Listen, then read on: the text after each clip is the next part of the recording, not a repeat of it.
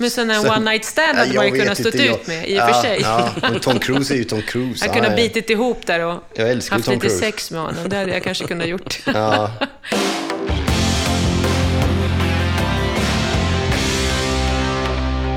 Vi hälsar Agneta Sjödin välkommen. Tack så jättemycket. Och eh, det som eh, vi som hälsar Agneta Sjödin välkommen är ju då podcasten Öppet hjärta med Marcus Biro och, Mikael Strandberg. och vi sitter på fantastiska Hotell Drottning Kristina på Birger Jarlsgatan i centrala Stockholm under Wow. vår sedvanliga kristallkrona och eh, dricker kaffe och dricker vatten och har det ganska bra faktiskt. Väldigt trevligt. Vi känner oss som, eh, som kungligheter. Jag är som drottning och ni som kungar. Ja. Nej, men jag, var ju, jag var ju orolig över att Agneta skulle, eh, och det skulle möjligen kunna ha visst fog för att konstatera att jag har ingen lust att vara med i den här podden om du är med. Varför skulle det finnas fog för det? Nej, men det har väl hänt förut. Nej, det har det Nej, inte. men vi var ju i Let's Dance Jag vet, samtidigt. men det är ju sju år sedan. Jo, jo, men vi hade ju en jättebra kontakt. Ja, det tycker jag. Du gillade ju mig, Jag, ihåg. jag tyckte om dig jättemycket. Ja. Och vi hade jättetrevligt. Men det är ändå sådär. Du var ju ledsen när jag åkte ut också. Ja, det var ju för... Vi träffades på ett tåg sen några veckor senare. Kommer du ihåg det? Ah. Du, vi skulle någonstans, du skulle någonstans och så var det någon brytpunkt vid Hallsberg där och då konstaterade Mm. vi att det var jättekonstigt att du åkte ut långt före jag åkte ut eftersom du dansade som en drottning. Ja, men jag tror folk trodde att jag satt säker. liksom. Exakt, det var ju det som var grejen. Mm. Folk visste liksom att hon klarade sig, men de här andra får vi rösta på så blir det så. Ja. Nej, Nej, men jag det Mange- finns, fanns absolut inte. Och sen har jag ju sett dig jättemånga gånger hos Malou, så jag har ju lyssnat mycket på, på Ja. dig och din resa och allt sådär. Och sen var ju du med i något som heter Biros bord på Expressen för några år sedan. Ja, just och snackade det. om någon bok där du hade skrivit om hälsa tror jag. Var det av egen kraft? Det kanske var Ja. första Det inspirationsboken. var det nog. Det var det nog. Ja men vad bra, men då har vi rätt ut det. Ja, no hard feelings. Nej, vad skönt. att jag nämner inte dig när jag försöker boka in gäster. Nej, exakt. Det var... Är det en strategi du Det är har? en strategi jag har. Det brukar bli, Ja, bli lättare så. Jag trodde det var, jag trodde det var tvärtom i min narcissism. Ja, det är underbart. Ja. Men hur är läget då, Agneta? Jo, jag tycker att det är bra. Det, det är bra. Jag, jag går runt och är rätt samlad med mycket tankar och eh, tillit just nu, känns det som. Oj, härligt. För det är så stora förändringar på gång. Det är liksom nytt förlag, ny- en roman, eh, min TV... Det, alltså det är förändringar även runt mitt TV-jobb. Det händer mycket saker som jag inte riktigt exakt vet hur det kommer att landa. Och jag tänker någonstans att jag vet ju vad jag vill och vad jag står. Så jag står liksom fast och säker i det här. Och jag, det har jag förmedlat. Och sen får vi se vad som händer. Jag har mycket tillit. Vad är det du har förmedlat och till vem? Ja, det är, det är ju det här som är så svårt. Jag kan ju liksom inte prata om någonting. men blir du kvar på TV4? Eh, det är det vi får se lite grann vad som händer. Jag började ju med ett internationellt eh, dokumentärfilmsprojekt med ett franskt team, så vi har ju de filmar över hela världen, djur, natur och, och, Ja, folk och sådär. Så jag var ju i Indonesien och hos Jajamän. naturfolk, tre olika stammar i Västpapua. Mm. Det var ju ett äventyr som du vet, det är ju lika, det är först nu sådär, du vet, flera månader efteråt som jag börjar landa i vad jag gjorde. Ja. Vad gjorde du? Eh, vi besökte då Dani, Asmat och Kuruai-folket. Och Kuruai-folket, det var det, de bor uppe i träden. De upptäcktes typ på 70-talet. Innan 70-talet visste de ingenting om världen utanför sin djungel, eller tvärtom. Ah, Och de är alltså, det är, det är så, att få möta den här typen av människor som är så långt ifrån hur vi är och tänker som lever i det här samhället. Det är ju som att komma till en annan, ut i rymden, till en annan liksom planet, en annan art. hur såg deras nyfikenhet på er ut? Var den liksom aggressiv eller var den vänligt sinnad? Eller var de rädda eller var de nyfikna? Eller? Nyfikna och lite sådär äh, avvaktande. Medan vissa som Sapporo, hövdingen, han var väldigt framåt och sådär. Det är klart, de har ju sett, s- sett, sett vår sort Ja. förut liksom. Eh, Människor utanför djungeln har ju de mött sedan 70-talet. Så det var ju inte så inte att det var första. ändå, liksom. Nej. Men de är liksom... De, de är helt annorlunda i sitt sätt. De bara är på något vis. Det var det som var så otroligt märkligt. De är inte så här äh, som vi, så här imponerade eller du vet. De bara är. Jag kan inte förklara det. För det är jättesvårt att förklara. För, för hundra år sedan och drygt det så fanns det ju den här tanken att man härifrån den här delen av världen skulle åka till den typen av värld och upplysa dem om en massa saker. Men det, Ja, kanske, ja, ja. men det kanske borde vara Vi- tvärtom nu. Vi bodde ju faktiskt då i en gammal missionärsby där hos eh, Korowai-folket. Eh, så att, eh, men missionärerna är inte kvar, men de kom ju dit ganska snabbt då och skulle liksom göra folk utav dem. De, det, fan, det var ju väldigt mycket kannibalism utifrån en sorts andetro, inte för att nu ska vi äta, liksom, bli mätta. Det handlar inte om det, utan det handlar ju om att att någon i stammen dör och då, då tror man att det är någon ond ande från någon annan stam. Och att det är någon som är besatt av den här onda anden, så då jagar man den, den liksom, demonen så att säga och dödar. Ja. Som, som den här andra från någon annan stam är besatt av. Ja, Så okej. det är ju det det handlar, handlar om. Liksom. Ja. Men så det här skulle man ju då ta ur dem, så det är förbjudet nu. Mycket av deras ritualer och traditioner är ju förbjudna. Så att det, har ju det, det, det blir väl mer och mer så att det är sånt där som de visar upp för turister i framtiden. För det märker man ju att det här börjar de förstå att här kan de få tjäna pengar. För att deras sätt att leva har ju liksom tagits ifrån dem väldigt mycket. Men då måste de hitta andra sätt att liksom finna mening i livet. Så då blir väl det någon form av turism. Men den finns ju inte där på, på det sättet som... Det är svårt att åka dit som turist. Det finns ju liksom inte uppbyggt något så här... Tänker du göra fler sådana här liknande resor eller? Eh, det, det kommer ju att göra. Planen är ju det, att vi ska. Men det är det som håller på att förhandlas med olika. Vart ska det visas i Norden liksom? Där ligger vi just nu. Och beroende på var det hamnar så får vi se vad som händer med min framtid. Men för mig är det så här också, jag fyllde 50 i somras. Och jag tror att med åldern kommer ju också det här, det blir viktigt att göra meningsfulla saker med livet. Det är det som, som blir en starkare drivkraft på något sätt. Och jag älskar ju naturen. Jag är ju uppväxt liksom med pappa i skogen väldigt mycket, så att naturen har ju stor betydelse för mig. Jag trivs ju, det är därför jag bor kvar utanför, liksom, utanför Stockholm, för att där har jag nära till naturen. Men någon slags Och kärlek därför till så, så, stadslivet? tyck, därför så känns det så viktigt att göra TV och film där vi får visa vilken fantastiskt vacker planet vi har. Att visa på de positiva sakerna. Titta vilken vacker planet och vad mycket vi har att ta tillvara på. Att försöka sprida den medvetenheten. Men jag tror att det är väldigt viktigt, dels att vi liksom att jobba med projekt där man visar på en fantastisk planet som vi måste värna om. Våra hav som vi måste ta hand om, all plast som släpps ut i haven. Det, det finns otroligt mycket viktigt att göra på den fronten. Men TV4 är ju intressant. Jag har jobbat lite på TV4 och haft fantastiskt roligt där. Gjort italiensk fotboll och Kvällsöppet. Så, så jag har Ja. magiska år där. Men det är lite som en sekt.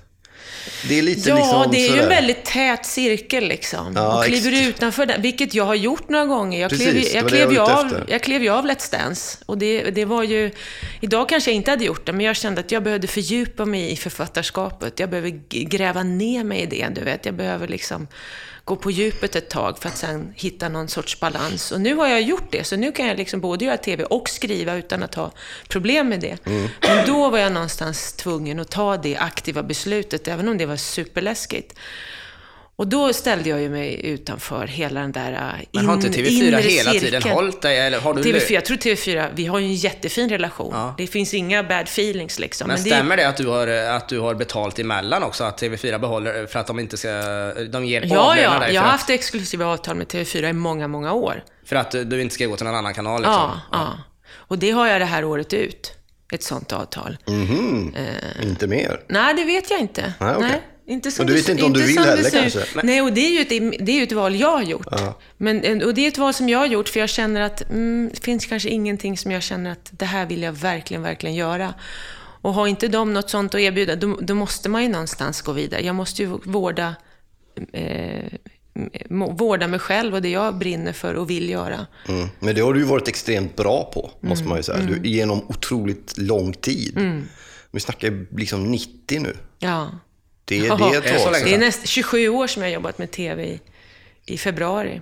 Men jag har ju en stor kärlek till TV4, så det är inte det liksom. Och vi har en, det finns inga hard feelings, men det kanske är en brytpunkt. Jag vet inte. Vi är inte där än. Jag har, som sagt, jag har total tillit till att det blir precis som det Men har inte du känt av konkurrensen? Jag tänker som, eh, du är 50 år sa nu, Mm. och eh, kvinna och det kommer nya och är det inte liksom Ja, det hård. känns ju lite annorlunda för, för kvinnor i branschen ändå, även om jag kan tycka att det finns många som fortfarande jobbar som är i min ålder, så det är inte helt...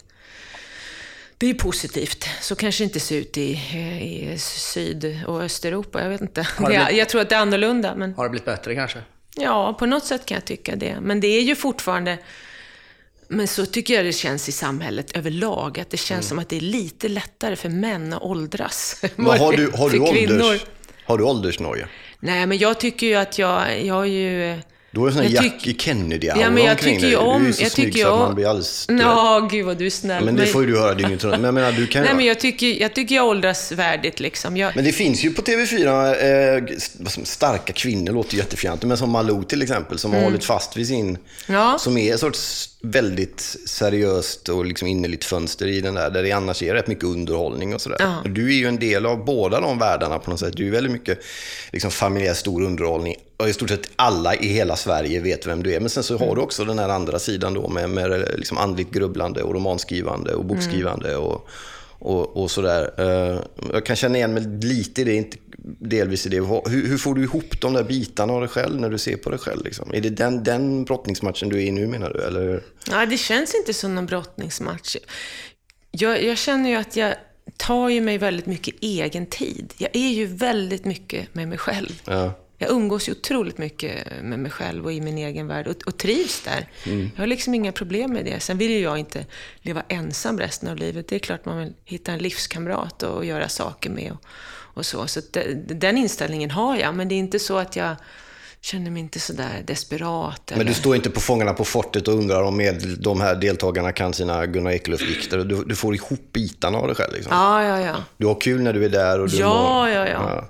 Jag, jag njuter ju liksom av livet. Alltså jag tycker det är jättekul att göra fortet. Det finns ingen prestige i det naturligtvis, men jag tycker att komma dit och få hänga med Gunde, få träffa alla de här olika människorna som Gunde kommer blir dit. man glad av. Ja, jag blir jätteglad av Gunde. Ja. Han är liksom... Han är en sån här människa som... På något sätt tycks han liksom bara... Han mår bra i livet. Ja. Han gör ingen stor grej av det. Han har inga stora förväntningar. Han har liksom hittat en... Får jag en känsla av i alla fall. En livsstil som gör att han... Han puttrar igenom livet rätt tillfreds på något vis. Eller? Vissa Ja, människor ja, men- har den. Ja, men många är väl sådana. Men det, det är ju de här som liksom kampar vid Ullared, står i kö och blir glad för att hitta duschtvål för liksom billig peng. Man önskar lite att man var lite mer sån. Risky. Mm. Ja, men jag tror du och jag är ju sån här som tänker väldigt mycket. Ja, men det är ju bara, det är ju, säger ju alla terapeuter man har släpat sig till, det är ju bara elände med det. det Man mår ju bara dåligt. Du vet, Mm. Det sluta ju, grubbla. Ja, jag vet. Det kan ju vara bra om man tänker rätt tankar. Förstår du? Tankarna, har man bra tankar så kan ju de verkligen lyfta en. Ja, men det har man ju sällan alltså. Men hur har du tänkt? För jag antar då att du kanske har tänkt eh, sämre tankar då? Ja, ja, ja. Jo, men, men det, det har har jag ju, den resan har jag ju gjort. Den Ja. där liksom inre resan, den började jag ju med för typ 18 år sedan. Men hur kunde det vara? Hur det kunde vara? Jo, det kunde vara så att jag tyckte att jag inte var tillräckligt bra. Eh, Jag jämförde mig väldigt mycket med andra. Jag tog eh, allting personligt. Om någon var grinig och sådär så jag trodde att det var mig det var fel på, på något sätt. Ehm, Ja, jag hade... Jag hade inte så mycket kärlek till mig själv inom mig själv. Och har du inte det, då blir ju också, då färgar ju det hela din, din yttre värld. Så, så som inom dig, så utom dig på något vis. Himmelriket finns inom er, så som i himmelen, så på jorden. Så då, om det, himmelriket är inom en, så blir det ju så här, in, då, manif- då är jorden det som är liksom den fysiska manifestationen av allt det som finns inom en. Det är det det betyder liksom. Men fick du hjälp att hitta så? Ja, hur? Den vill man ju höra alltså, Ja, för där är man ju själv. Ja, alltså hjälp. Jag, har, jag började den där resan och den, eh, på den resan så mötte jag ju bland annat Paolo Coelho, författaren. Jag mötte Deepak Chopra. Jag har ju liksom läst väldigt mycket. Jag har ju liksom försökt att hitta min väg. Paolo skickade ut mig på en pilgrimsvandring. Och det blev ju en vändpunkt som ledde till ett författarskap. Men det är ju inte så att jag... Det har ju varit en lång resa. Och jag tror att nu, du vet, 18 år senare har jag nått väldigt långt. Men det är inte så att det tog ett eller två år, utan det har ju varit en process. Att, att, att älska sig själv är ju en lång resa om man har varit åt det helt det andra hållet. Det tar ju tid liksom. Men när man, att landa i det har ju varit en fantastisk känsla måste jag Men säga. om man beskriver det som en resa eh, och, och som du gör på det sättet och när man väl då kommer fram och kan acceptera och kanske till och med älska sig själv. Är man klar då? Eller kan det ändras igen, tänker jag? Det är ju färskvara det där. Det är det va? Ja. Men hur, hur håller man den vid Ja, liv? jag har ju mina meditationer som jag gör. De är ju, det är just nu så är det guidade meditationer. Vad betyder det? Jag har hittat en... eh, Ett, eh, ja, det betyder att någon pratar liksom. Säger bra saker. Aha, okej. Till mitt undermedvetna.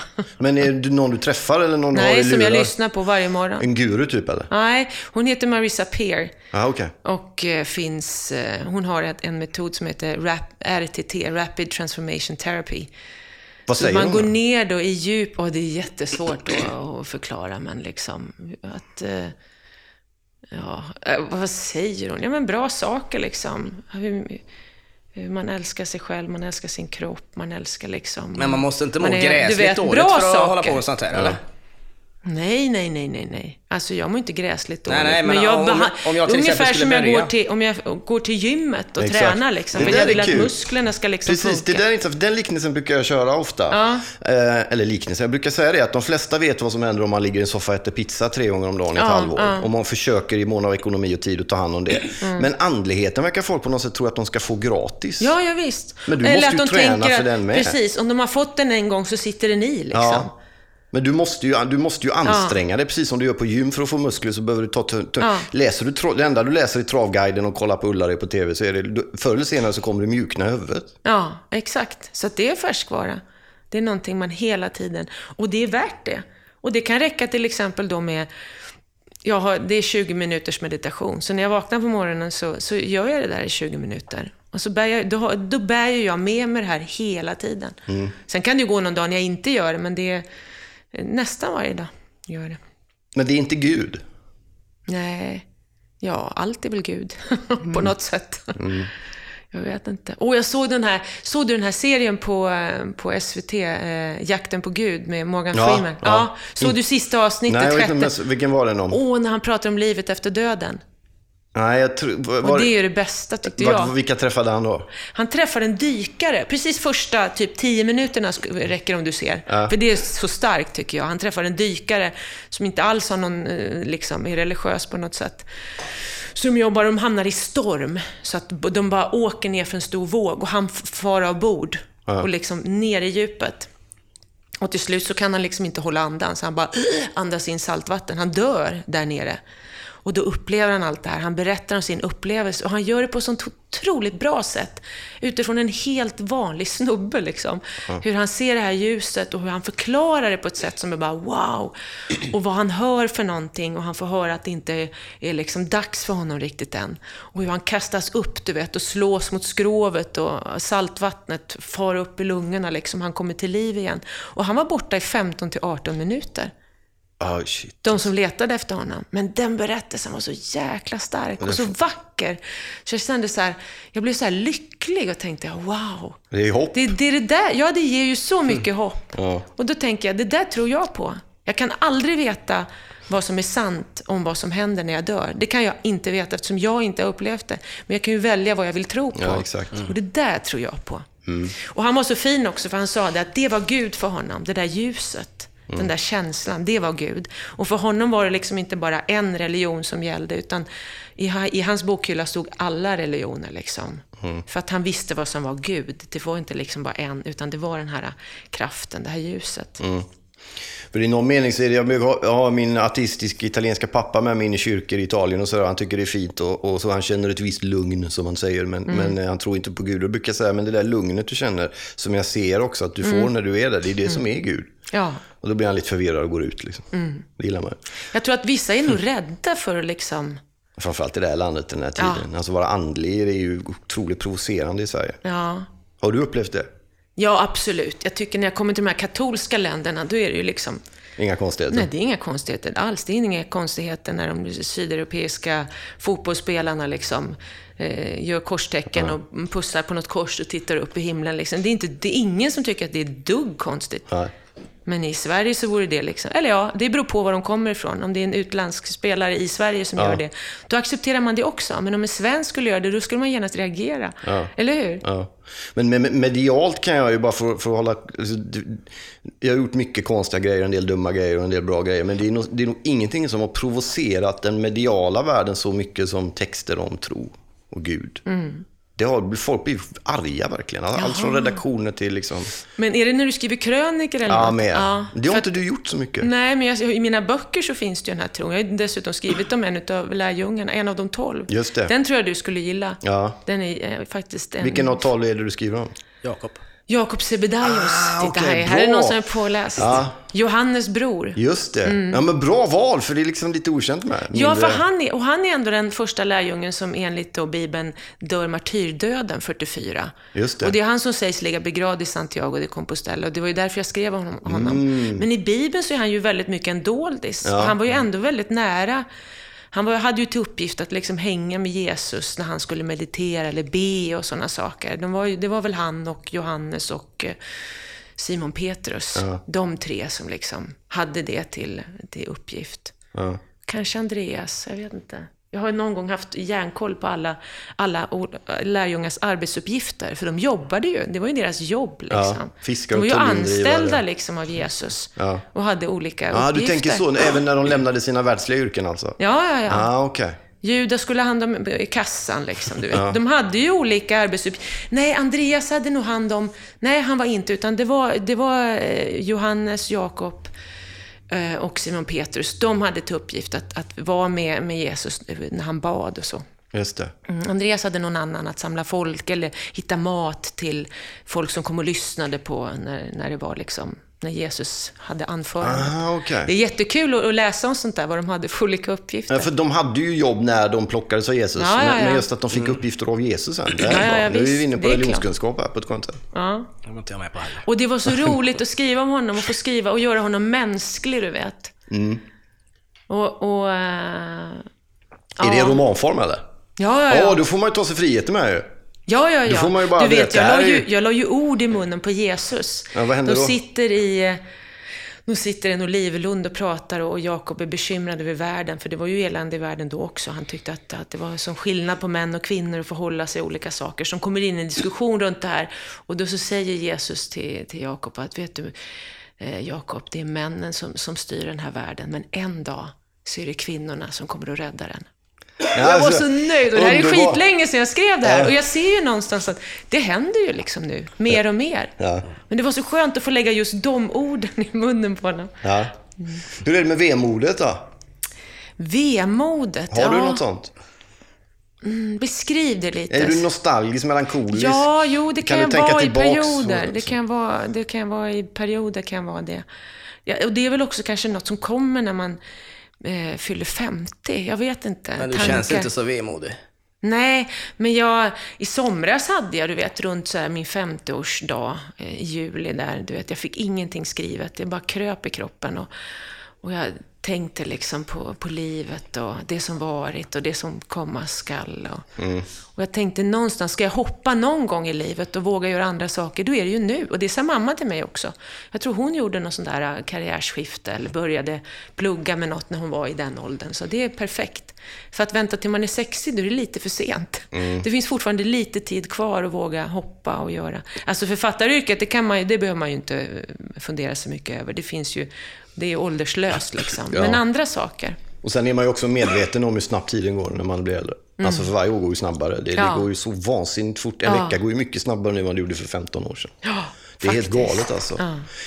Varför jag frågar var inne på det där som du var inne på innan, där med tankar och, och att må dåligt och inte älska sig själv. Och, det där. och jag försökte få min kära terapeut att, att eh, svara på frågan, eh, hönan eller ägget, om man går på kyrkogården för att man är vemodig eller att man blir vemodig för att man går på kyrkogården. Ja, Den där längtan det. till det här, tänk på döden-skyltarna och ösregn och du vet, svart och syn och så. Ja. Vad är det som kommer först där?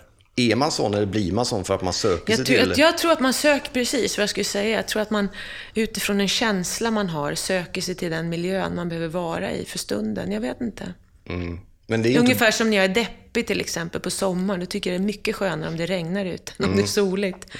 För när det är soligt, då får jag för mig att alla människor är ute och åker båt med sina bästa kompisar och eh, kysser varandra på en klippa och är så lyckliga och kära, ni vet. Mm. Medan jag sitter ensam hemma och försöker skriva roman. Ja. Men förstår du, då är det ju mycket skönare om det regnar. Ja, men det där är, det är, ju, det är ju svårt att veta vad det är liksom som gör att... Men ska, man, ska man anamma det då eller ska man liksom söka andra vägar för att må bättre?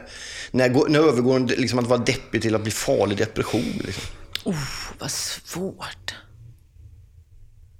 Åh, vad svårt. För vemod och så kan ju vara en vacker egenskap Ja, det kan också, vara en liksom, vacker... Som kan leda vacker en framåt i någon mening. Depression, ja, och dessvärre tror jag att det är rätt många som mår dåligt. Men, Jag tror det är många som mår väldigt, väldigt dåligt. och där känner jag ju någonstans att det handlar otroligt mycket om samhället. Att bryta isolering, att, eh, att bryta det här tankemönstret. Att få, in, att få in medvetenheten om att det är tankarna som skapar de här känslorna också. Sen kan det ju naturligtvis vara, vissa som har liksom att det är att det är något kemiskt i kroppen, någon obalans som gör att man liksom blir väldigt deprimerad, att man har brist på någonting. Sådana saker kan det också vara naturligtvis. Ja. Men tankarna ställer ju till oerhört mycket.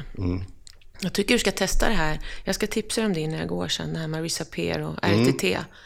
Jag testar Just- gärna de där grejerna just nu För, att, för jag känner, jag började för ett år sedan. Jag och min kompis Anna Öster, hon hittade det här på Mind Valley. Finns en sida från, från England. Och så började vi, ja, vi bestämde oss, vi gör den här kursen nu. Så det var åtta såna moduler som man gick igenom. Liksom. Så det var åtta veckor vi verkligen pluggade det här. Och det förändrade så mycket i mitt, hur jag liksom, kärleken till mig själv och hur jag mådde. Och det är därför jag fortsätter med meditationerna, för att det, det har verkligen hjälpt mig att, att bli mycket lugnare och tryggare och komma ännu närmare mig själv. Älska mig själv lite till, liksom, än vad jag gjorde innan. Förut så, nu älskar jag mig själv hela tiden på något vis. och det har jag gjort ganska länge nu och det är så skönt. Ja, det måste ju vara dit. otroligt befriande. Men hur har Ja, du det med det- missbruk och sånt? Såna som vi, vi brukar ofta hamna i sådana lägen där vi använder saker för att stänga av. Ja, ja, ja, du tänker så ja. Och dessutom är jag kräfta och de är också de är väldigt känsliga, du vet. Ja. Du måste vara något vattentecken. Jag är tvilling. Jaha. Det är stökigt i Jag tänker du är så känslig att du skulle vara ett vattentecken. Ja, jag är lite väl Men du är känslig. lite delad så här, våg och tvilling. Ja, har exakt. lite svårt att komma fram till. Ja.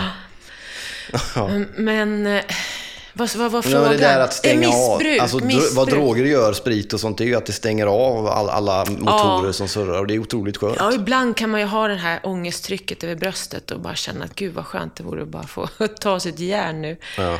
Men jag har ju liksom, in, tack och lov, inte haft det behovet av Ja, att dricka. Och sen blir jag så trött också när jag dricker. Så jag, dricker ju, jag, jag älskar champagne, för jag har fått lära mig lite via min kompis Rickard Julin. Han, han har lärt mig så mycket om champagne. Så, att, så då, kan jag, då dricker jag det på ett sätt så att det blir liksom lite andligt. Du vet. Ah, okej. Jag tar in alla smaker på ett vis. Men du då- går inte upp på morgonen och dricker Baileys till frukost? liksom? Nej, Nej. nej. för att jag, jag blir ju inte sällan berusad. Nej, vad skönt.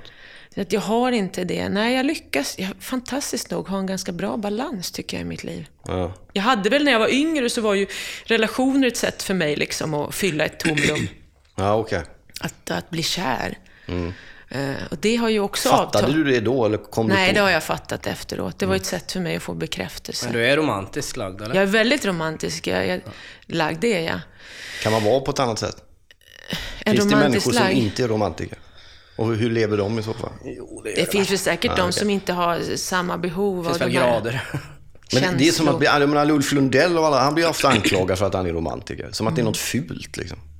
Jaha, jag vet Det är väl rätt fint att Det är ju lite... jättevackert. Men har du slutat att missbruka relationer då, eller vad ska jag säga? Ja, ja, det har jag ju definitivt. Jag har ju inte relationer ens på Du samma... har väl del. Jag har ju inga ingen. relationer. Nej, men jag, jag har ju inte relationer på samma sätt liksom. Och jag är... Jag vet... Jag vet vem jag är, jag vet vad jag behöver, jag vet vad, vad som liksom... Ja. Och, och sen har jag liksom inte... Jag har ju inget behov av att fylla något tomrum inom mig. Nej, så, okej. så därför De- där blir det liksom... nyckeln. Men finns det plats för någon man då? För att jag... att du- Ja, ja. Det är ju så det måste vara. Du måste ju nå hit för att få en bra relation, får jag Mm. en känsla av. För man kan ju inte lägga, det finns ett jättebra uttryck där, att om du lägger din lycka i händerna på någon annan så lägger du också din olycka där.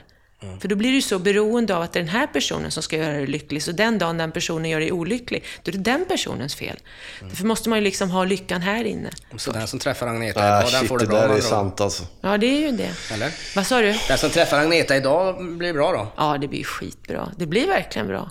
Men sen har ju jag mina sidor också. Men jag, jag är ju väldigt bra på att ta eget ansvar, se min del i saker. Men det går ju inte, om vi skulle gå och ta en dejt, det går inte att gå och dejt med dig. Då ser det en massa paparazzi, det är väl alltså, veckotidningarna. Nej, det är inte skulle- så mycket sånt. Det är det faktiskt inte. Men... Det skulle ta en timme innan alla visste ju. Om du går och Nej, träffar det, någon. nej. Men hur gör du om du... Nej, du kan inte gå ut på, ut Jag gör Tinder. ju inte det. Nej, nej, men, Nej, jag går inte på... Jag gör ju inte Det. Jag vet inte hur jag ska bära mig åt. Jag är ju mer i skogen än inne i stan liksom. Men om du skulle träffa någon, Mm. jag säger på Facebook eller vad det är, skulle du börja då liksom vara så här, ah, men vi får vara försiktiga, där har vi en övervakningskamera, du får köra din bil först in så kommer jag sen. Eller vi tar, eller, Nej, så är inte Du mitt planerar liv. inte, det är inga Nej, så är inte mitt liv. Jag jag är inte någon Hollywoodstjärna och jag är dessutom inte, inte lika spännande och attraktiv tror jag i media på det sättet idag som jag kanske var för liksom Tom Cruise 15 tyckte ju du var det. år sedan. Ja. Vad hände där egentligen? Ja, jag kanske skulle ha satt mig ner där ett taget. Liksom. Han bjöd ju in mig att sitta ner Jag där. Det. Men jag skulle hem till Maja och det hade jag ju sagt. Liksom. Ja. Maja är ju det viktigaste. Ja. Hon är viktigare än Tom Cruise. Ja. Hon tyckte ju att jag borde ha stannat. Exakt, jag tänkte precis fråga det. Hon kanske hade Fast, tyckt det. fast jag vet inte. Tar- tror du att jag hade blivit lycklig med Tom Cruise? nej, tror Nej, inte. jag tror inte Nej, heller inte på det. ett längre perspektiv. Nej. Men sån en one night stand hade man ju kunnat jag- ut med, i och för sig. Ja, men Tom Cruise är ju Tom Cruise. Jag Han kunde ha bitit ihop där och haft Tom lite Cruise. sex med honom. Det hade jag kanske kunnat gjort. Ja. jag tycker, jag, jo men jag gillar, jag, jag gillar honom som skådis. Jag tycker han är fantastisk. Och han var väldigt härlig att stå och prata med, för han var så otroligt engagerad och liksom närvarande, ögonkontakt och... Men var, var var detta? Du måste Det var väl. Johan På Petré Rival. som ordnade någon... Ja, det var eh, på Hotell Rival. Det var ju någon filmpremiär. Ja. När? När? Jag tror det var Jack Reacher, tror jag. För Ja, exakt. Tre, fyra år sedan någonting kanske. Ja, det måste ju... Nej, det måste vara sex år Är sedan. det så länge sedan? Nej, inte så länge sedan tror jag. Ja, fem då. Astrens, ja. Men det blev ju väldigt mycket av att ni överhuvudtaget hade stått och pratat med varandra. Liksom. Och så sa jag också, det var någon journalist som frågade på vägen ut, vad pratar ni om?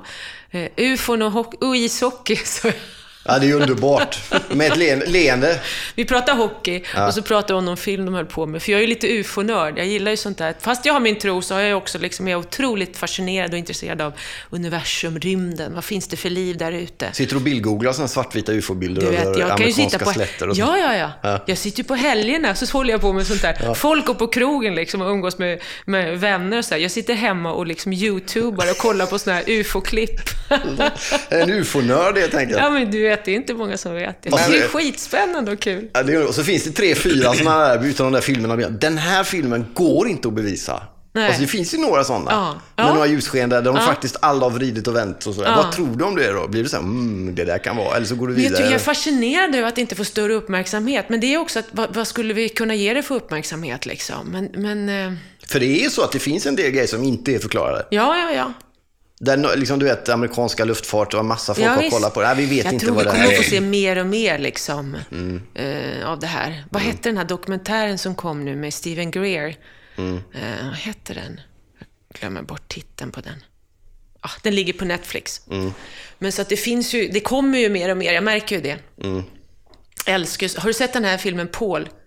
Ja, Ja, älskar den är jätteskön. Jag tror jag har sett den fem, Den sex så gånger. avdramatiserad. Ja, Ja, det är Kolla så på den om du inte har sett mycket. måste. Den är rolig faktiskt. Det är så mycket humor och värme och kärlek i den alltså. Ja, den är fin.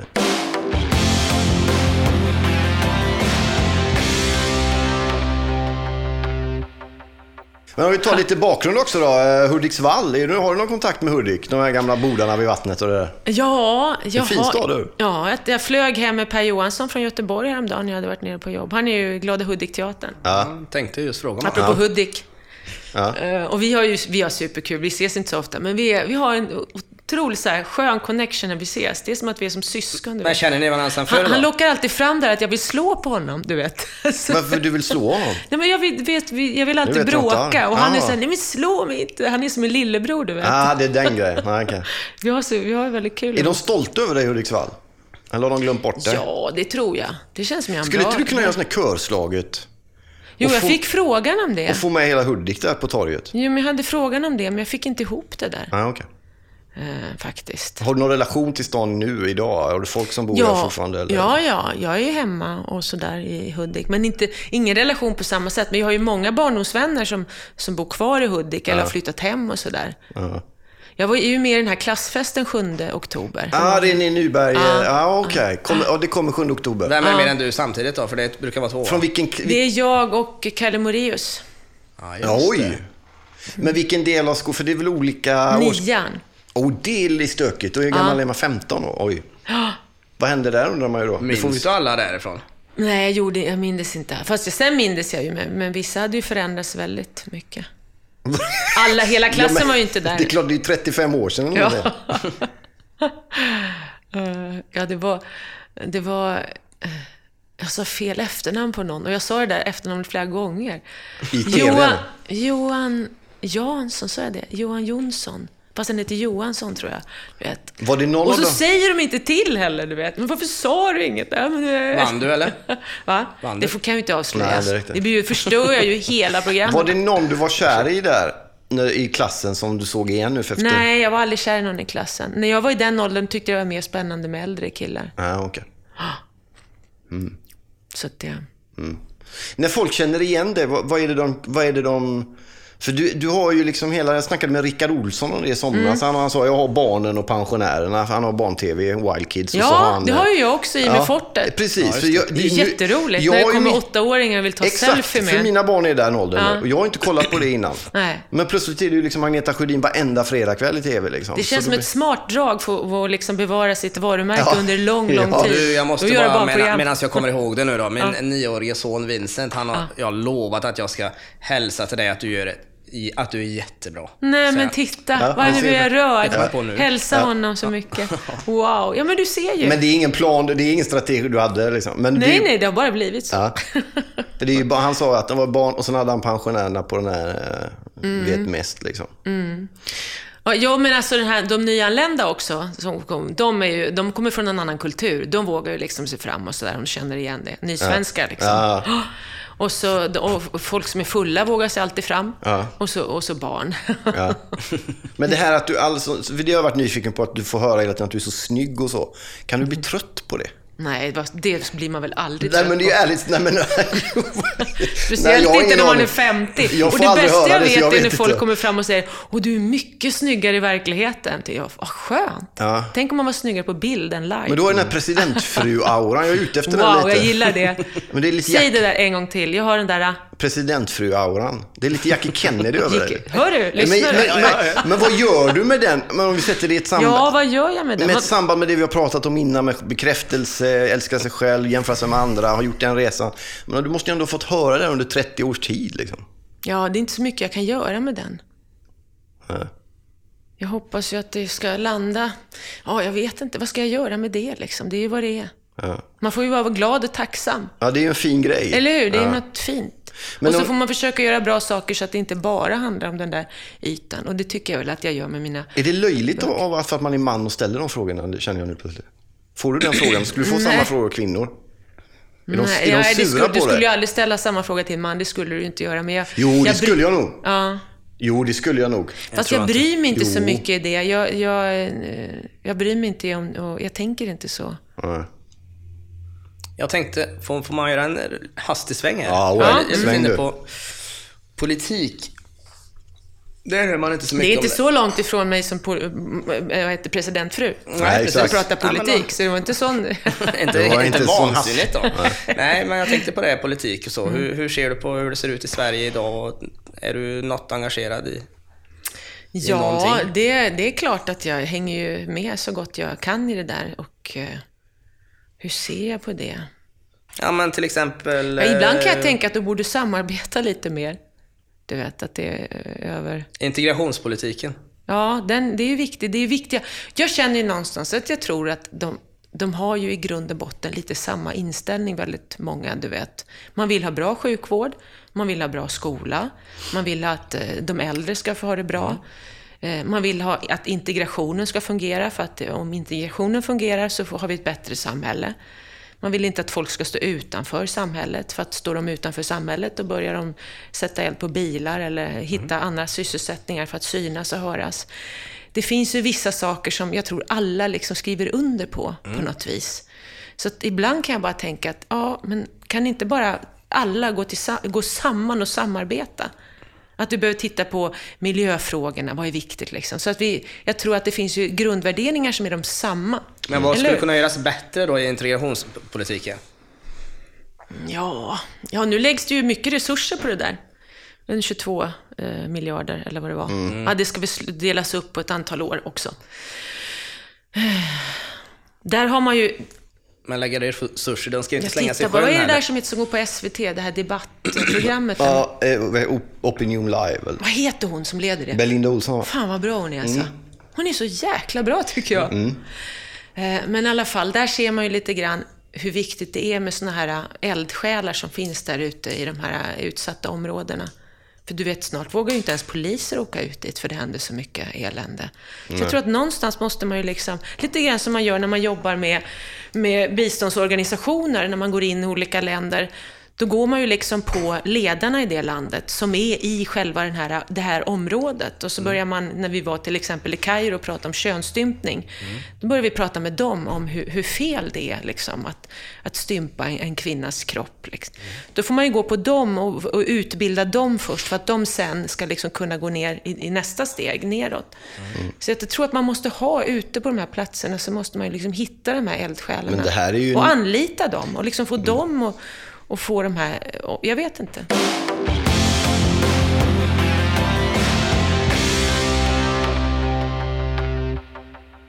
Hur har det varit med relationer och ensamheten? Det kan jag uppleva att det kan vara, om man har ett mycket ensamhetsbehov så är det svårt.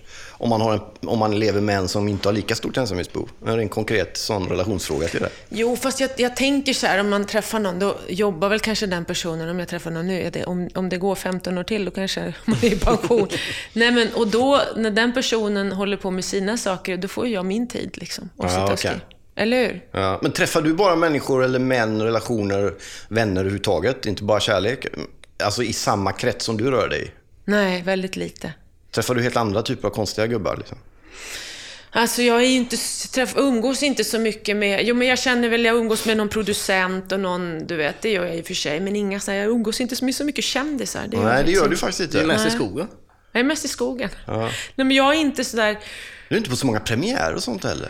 nej. Nå- några ibland. Några, några premiärer. Nej men jag är inte sådär, du vet, eh, jag tycker, vissa kändisar tycker jag är liksom, Mm, de är så jäkla höga på sig själva. Men sen finns det de som är helt fantastiska och jäkligt avspända. Liksom. Ja. Gunde är ju ingen kändis i mina ögon. Förstår du?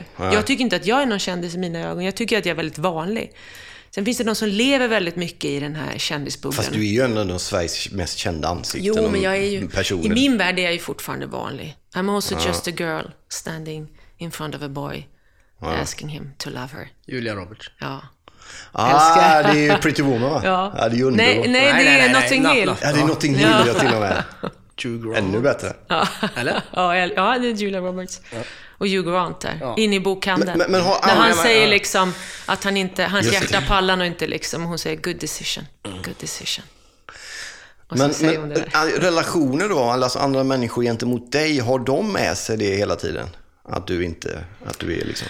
Ja, vissa märker du det, vissa eller? har nog det och andra inte, tror jag. Ja. Det är klart att det finns där som ett, Men du ska som ett handikapp i mitt liv. Men är det jobbigt eller är det liksom... Eh, Om det påverkar människors bild av mig, och, och tyvärr är det ju så att, att när jag möter någon första gången, som är första gången för mig, så är det ju liksom, Ja, de har redan träffat dig. de har redan en uppfattning om bild av, och en Ja, exakt. känsla och en tanke runt mig som jag, som jag liksom, det är svårt att leva upp till kanske. Så att det, Aha, mm, okej. eller hur? Så att det, ja, jag vet inte. Men det är också en resa att komma till det läget där man känner att man inte behöver leva upp till det. Ja, och det, det, det gör jag inte heller. Jag försöker inte leva upp till något. Ja. Men, eh, men det- det, är ju just det där att det finns en bild av mig redan innan. Ja. Fast det är ju, det är ju en rätt bra bild. Det finns ju värre. Ja, ja, ja. Nej, alltså jag har inget, och absolut inget att klaga på. Men jag tror att det har påverkat eh, eh, mitt privatliv. Men kan, hur ser den bilden ut? Man jämför, alltså, det är en, alltså, hur ser bilden ut helt enkelt, som du, som du möter att folk kan ha av det? Att du ska inte. vara... Jag tror nog att den kanske har förändrats mot för vad den var liksom, eh, för ett antal år sedan. Så kan den nog ha förändrats, men jag vet inte eftersom jag har förändrat min bild av mig själv på något vis. Är det många som ser upp till dig? Om jag tänker i, men nu tänker jag i, i eh, Det hoppas jag. eran bransch. Ja, i, ja, ja, det kanske det är. Eh, du vet att det finns... Ja, men jag tänker när du rullar in det på TV4, om, det kanske, om de yngre kommer och frågar eller tips eller, eller märker du att de beter sig på något speciellt sätt? Vad var Jag det? är ju så sällan ja, men där. 27 år, i bran- 27 år i branschen, kliver in där. Du jag träffar folk som klippkort. jobbar i branschen som är i den åldern. Jag har jobbat med TV hela deras liv. Liksom. Eh, nej, jag är ju väldigt sällan i TV4-huset, så att jag liksom... Jag ser ju inte det så ofta. Hur gick det till där i Jonsered egentligen 90? Du halkade in på den här Adam Alsings kärleksprogram av en slump va? Eh, Eller var det så att var ja, på jag skoj var som du gjorde audition där? Jag var, ja, jag höll på med ljussättning där lite. Ja. På, och så hade de testat dem. Jag satte ju ljus också på den här uttagningen. Så de hade en massa från eh, mo- olika modell, modellgrupper i Göteborg som kom liksom. Ja. Och testade. Och de hittade ingen riktigt som de tyckte funkade bredvid Adam. Och då var det någon som kom på att Agneta, hon är ju van att stå på scen och spela teater och sjunger i band och sådär. Ja. Vi testar. Då testar de mig. Ja. Och på den vägen är det. Det är ju underbart ju. Ja. För du, du, vi, Och nu ska jag intervjua Adam på Bokmässan. Han har kommit ut med någon, eh, någon bok där om vad som är myt eller inte. Aha. Sant eller falskt. Myt eller inte. Och då ska jag intervjua honom. För det är på, C- det är på mitt förlag som frågade. Tycker jag är lite roligt. Det är en spännande ihopknutning av den grejen. Alltså. Ja, ja. Och så bodde du i Göteborg 89, 90, 91. Ja. Vilket var fina år för Göteborg, ska vi säga för de som inte var med. Mycket svartklubbar, mycket Draupner, mycket sånt. Du kanske inte var på dem? Det du- känner jag igen. Ja, bra. Mycket så här lastpallsvagnar och du vet, stora nere i hamnen och Det var svartklubbar. ju vilda år alltså. Ja, var det det för dig också då? Ja.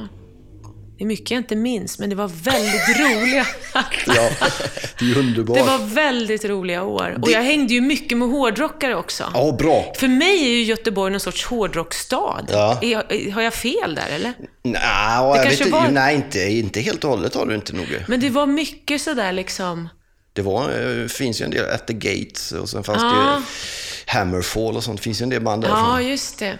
Jag kommer ihåg jag hängde med Joey Tempest också där i Göteborg. Oj, den vill man ju höra sedan. Fast då hade jag börjat med TV. Vi hade varit på kons- vi, Men vi var jättebra polare ett tag. Ja, han är ju snygg också. Ja, framförallt tycker jag att de är så jä... Alltså jag och eh, Henrik Jonsson, Malin Barriards man, vi är såna Europe-fans alltså. Ja. Vi är såna fans, så att vi var på Bokmässan för typ två år sedan. Då var vi och lyssnade på Europe på Trädgården. Ja. Drack starköl och försökte få träffa dem efteråt. Men då, då, skulle, då drog de direkt. Och nu har vi en dröm om att vi ska se dem den 6 december. Spelar de i Sverige då? Eh, då spelar de på... Är det på... Vart spelar de? Ja, men är det på Cirkus eller något? De har en stor konsert. Och då har jag sagt till Henrik nu, nu måste du fixa meet and greet. För jag har liksom inte... Nej. Så att, eh, nu efterlyser jag det här. Nu vill jag eh, ha biljetter och meet and greet. Ah, okej. Såg du den eller? Va? Det var ju en stor dokumentär om dem. Ja, den såg jag. Jag tycker jag de är vill- skitbra. Jag tycker alltså- de, är, alltså, de är helt underskattade i min värld. Eh, Eller ja, i Sverige. Jag tror att de, de, de har ju en väldigt stor fanbase, tror jag.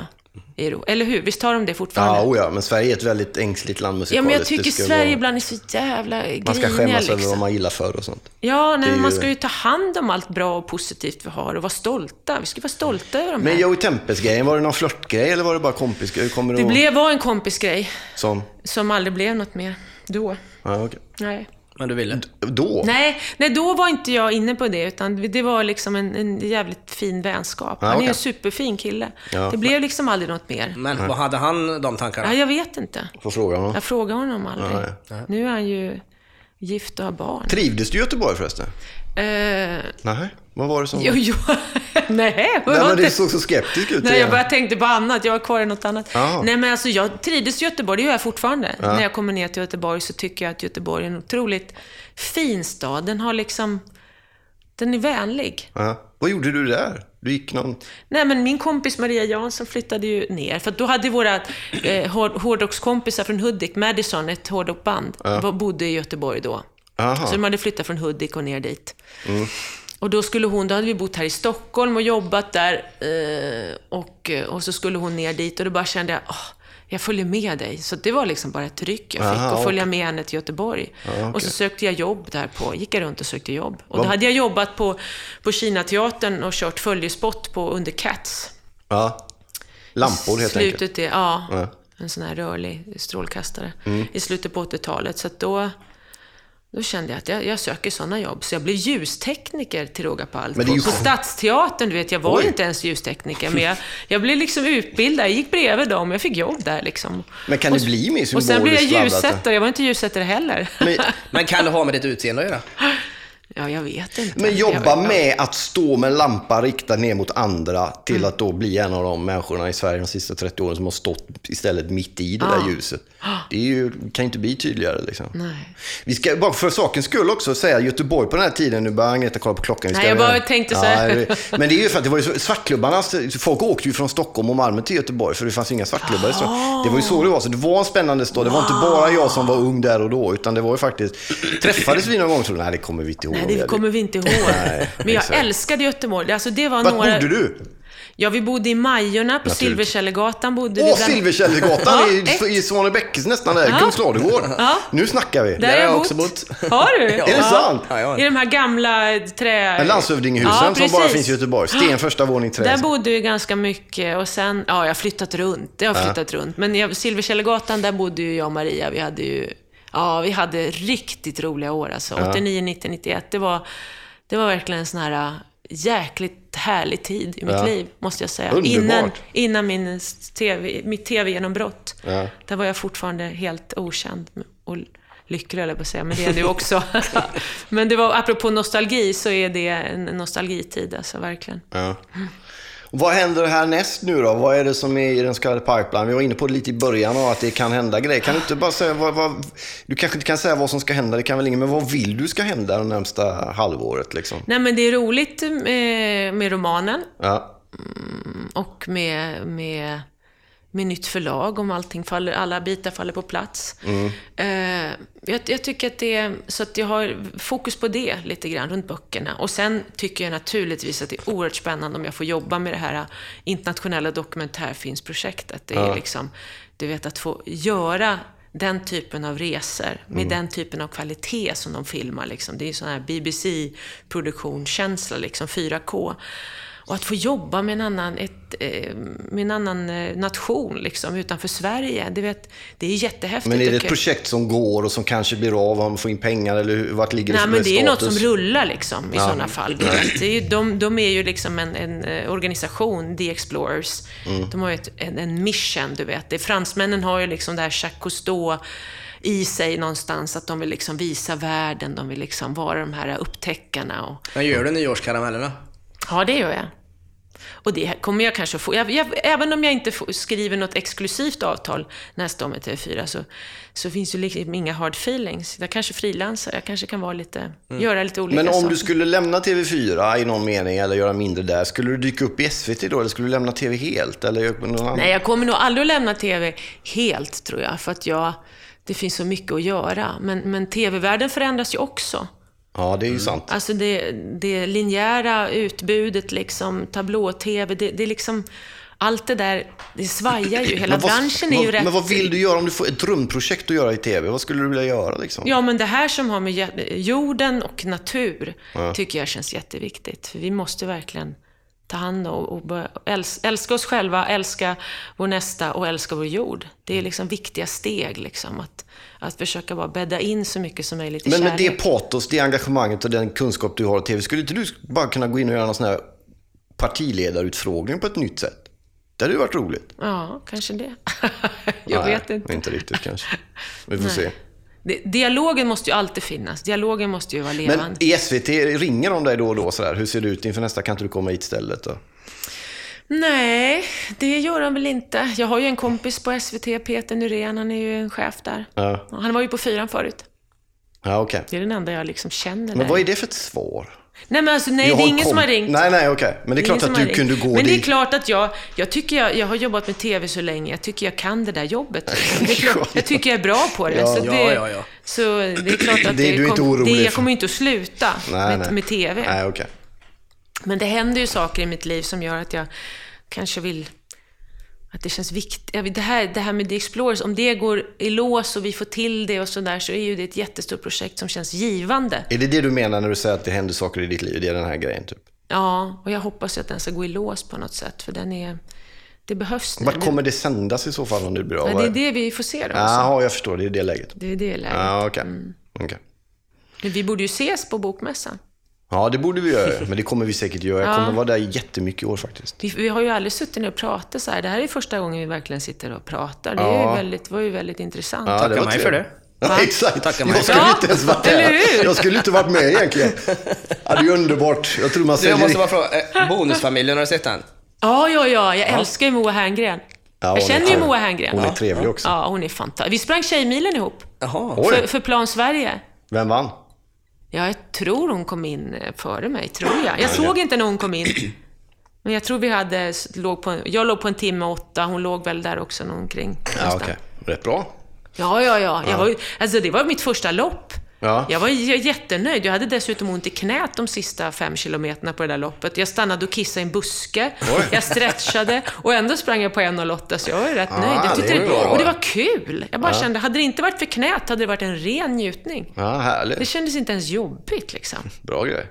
Och så springa för henne liksom, för flickor, flickors rätt i världen. Men kan du känna igen dig i Bonusfamiljen? Det var ju lite dit jag ville komma. Ja, jag har inte sett den sådär supermycket. Jag har sett lite grann. Eh, Så jag vet inte vad, vem, vilken jag skulle känna igen mig. Det var så länge sedan jag hade bonusfamilj. Min, min familj, de, de senaste liksom nio, tio, nio åren kanske, har ju varit liksom jag och Maja. Jag och Maja mot världen. Nej, men vi har ju rest. ja, ja, vi har haft... Hur gammal är Maja nu? 19. Men det är intressant, för ändå så är det liksom, om man betraktar det utifrån, så är det alltid, de försöker få media av olika slag att du ska in i relationer hela tiden.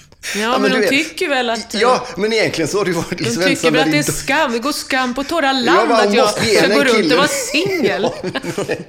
ja, men, ge henne, men det känns någon desperation över att Agneta Sjödin måste ha en pojkvän. Liksom. Ja. Ja, du lever med din dotter i tio år egentligen. Ja, men det är ju lite waste att jag går runt här och inte har liksom en kung vid Nej, min men sida, för, eller hur? ja, men möjligen då. Men inte, om du inte tycker något annat så är det väl inte Nej, men det är waste. klart att jag vill ha en kung vid min sida. Men, men jag, jag är inte Och hans namn är Tempest. Men jag går ju inte runt och lider liksom. Nej, nej, det är ju helt Han uppenbart. bör dyka ut, upp i skogen här ute i, i Nacka. Det är det Ja, störst, det är störst är- chans alltså. Vad Skogen i Nacka. Vad värdesätter Jag du hos en man? samtidigt. Skogen i Nacka är ju störst, störst chans. En, vad värdesätter du hos en man i en relation? I en kärleksrelation? Eh, Jag värdesätter ju en man som, som eh, har den här inre tryggheten. Han, han, jag tror att trygghet är bra. Eh, Och så en man som kompletterar mig, liksom, som får fart på mig och som tycker om att göra. Det finns ett driv, någon jag kan se upp till. Som är trygg och landad i sig själv och som, du vet, bara står där i sin trygghet. Ernst? Kanske? Ja, Ja, och, och så manlig. Ernst. men han, är- han är lite mjuk. Jag sa, han är en fjolla lite Och eller? han har, ju, eh, han har ju fru också, så han är ju väldigt lycklig där vet jag. Nej, han är inte En fjolla så. Nej, inte fjolla så. Jag menar, Nej, men han är, är han för, är han för liksom... jag vill ehm, ha, ja, det får inte bli för, för, för gulligt och mjukt och snällt. Det måste finnas, En nykter Persbrandt då? ja, en nykter Persbrandt utan issues liksom. Ja, Ja, ja, men då går det ju inte.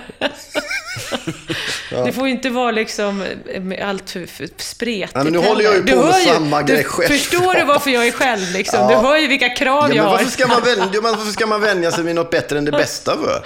Och min kompis Rickard Julin som är så inställd på dofter och så här och champagneexpert och Ja. så. Han säger att man- det är dofterna som avgör liksom. Jaha. Han, han ordnade någon blind date till mig för att utifrån någon doft, det funkade inte riktigt. Va- Eh, va? Jag, jag tyckte inte det. Jag, jag går ju på energi. Han går på dofter, jag går på energi. Det måste vara...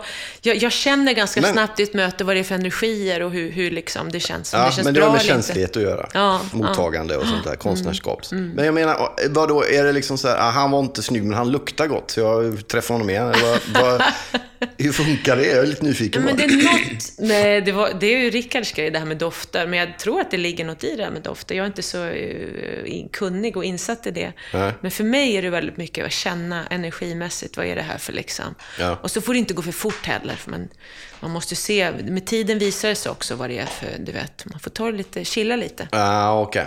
Hur? Det var det du inte gjorde förr. Nej, då var jag väldigt snabb. många män har väl lite mer bråttom på många plan, va? Är de inte så Ja, stressade det nog, att de vill jag veta? vet och- inte, det är nog lite olika. Får du mycket... Jag kan ibland vara lite stressad, för jag vill veta ganska snabbt, är det här något eller inte? För jag måste ju ta reda på ganska snabbt innan det kommer ut i någon tidning. Ja, om det är på riktigt ja. Ja. Men får du mycket så här förfrågningar, meddelanden från män som vill träffa dig och känner, vill, tycker att du verkar fin och så? Jo, men det händer. Det kommer ju lite så här på Facebook, men det är jättesvårt att nappa på det. Det är jättesvårt med, ja, ja, men det kan vi kan ta en fika. Det skulle kännas så konstigt. Gud. Nej, men det ska du inte göra. Nej, Det- nej du förstår du. för- nej, nej. Det är klart att jag får trevliga erbjudanden sådär på, på Facebook framför allt. Men boken till Bokmässan som är under hösten här då, du har ju en på gång. Vad är det för bok som Nej, är den som är nu, för, det var ju den som kom i januari, från hjärtat. Just det. Mm. Så att eh, det är därför som jag är nere. Ja. Så att jag har inget så här superaktuellt. Kul, men då lär vi ses på bokmässan. ja, absolut. Och du är också på Bokmässan. Det kommer, ja, jag kommer väl att mingla. Ja, Ja, men det vore ju superkul att ses. Har vi varandras nummer? Du har ju mitt nummer.